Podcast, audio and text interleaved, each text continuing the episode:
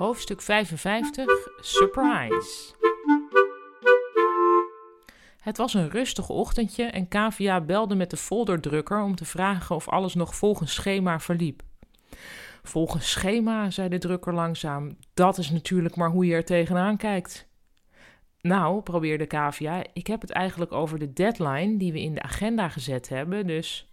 Oh, op die manier, antwoordde de drukker. Nou, we doen hier wat we kunnen, maar zoals mijn opa al zei, meer dan je best kun je niet doen. Oh, zei Kavia, nou, um, doe dan maar goed je best. Verward legde ze de hoorn neer. Achter haar klonken hakken. Surprise, surprise, kondigde Stella aan. De kerstborrel wordt gewoon op kantoor gehouden dit jaar. Hebben we het nu al over de kerstborrel? vroeg Kim. We hebben het over bezuinigingen die hun weerslag hebben op de locatie van de kerstborrel, zei Stella nuffig. Tja, rakkers, sorry, riep Ruud. Mijn naam is Corrie. Maatregelen.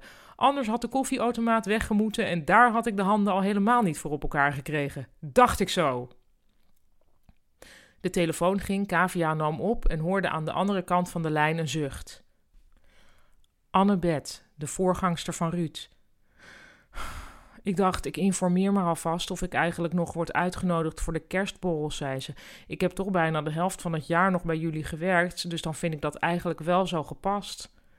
Maar Annabeth, zei Kavia, de zomer is net voorbij. We denken hier nog helemaal niet richting de kerstborrel. Als die er al komt, want dat is in het huidige klimaat nog maar helemaal de vraag. Het huidige klimaat. Ze had het echt gezegd en nu kon ze het niet meer terugnemen.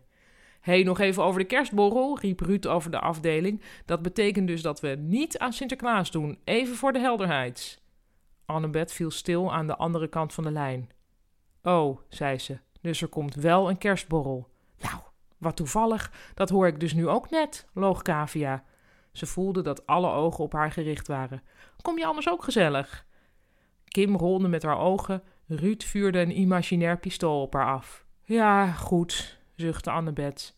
Kavia legde neer. Ze keek om zich heen. Wat moest ik dan?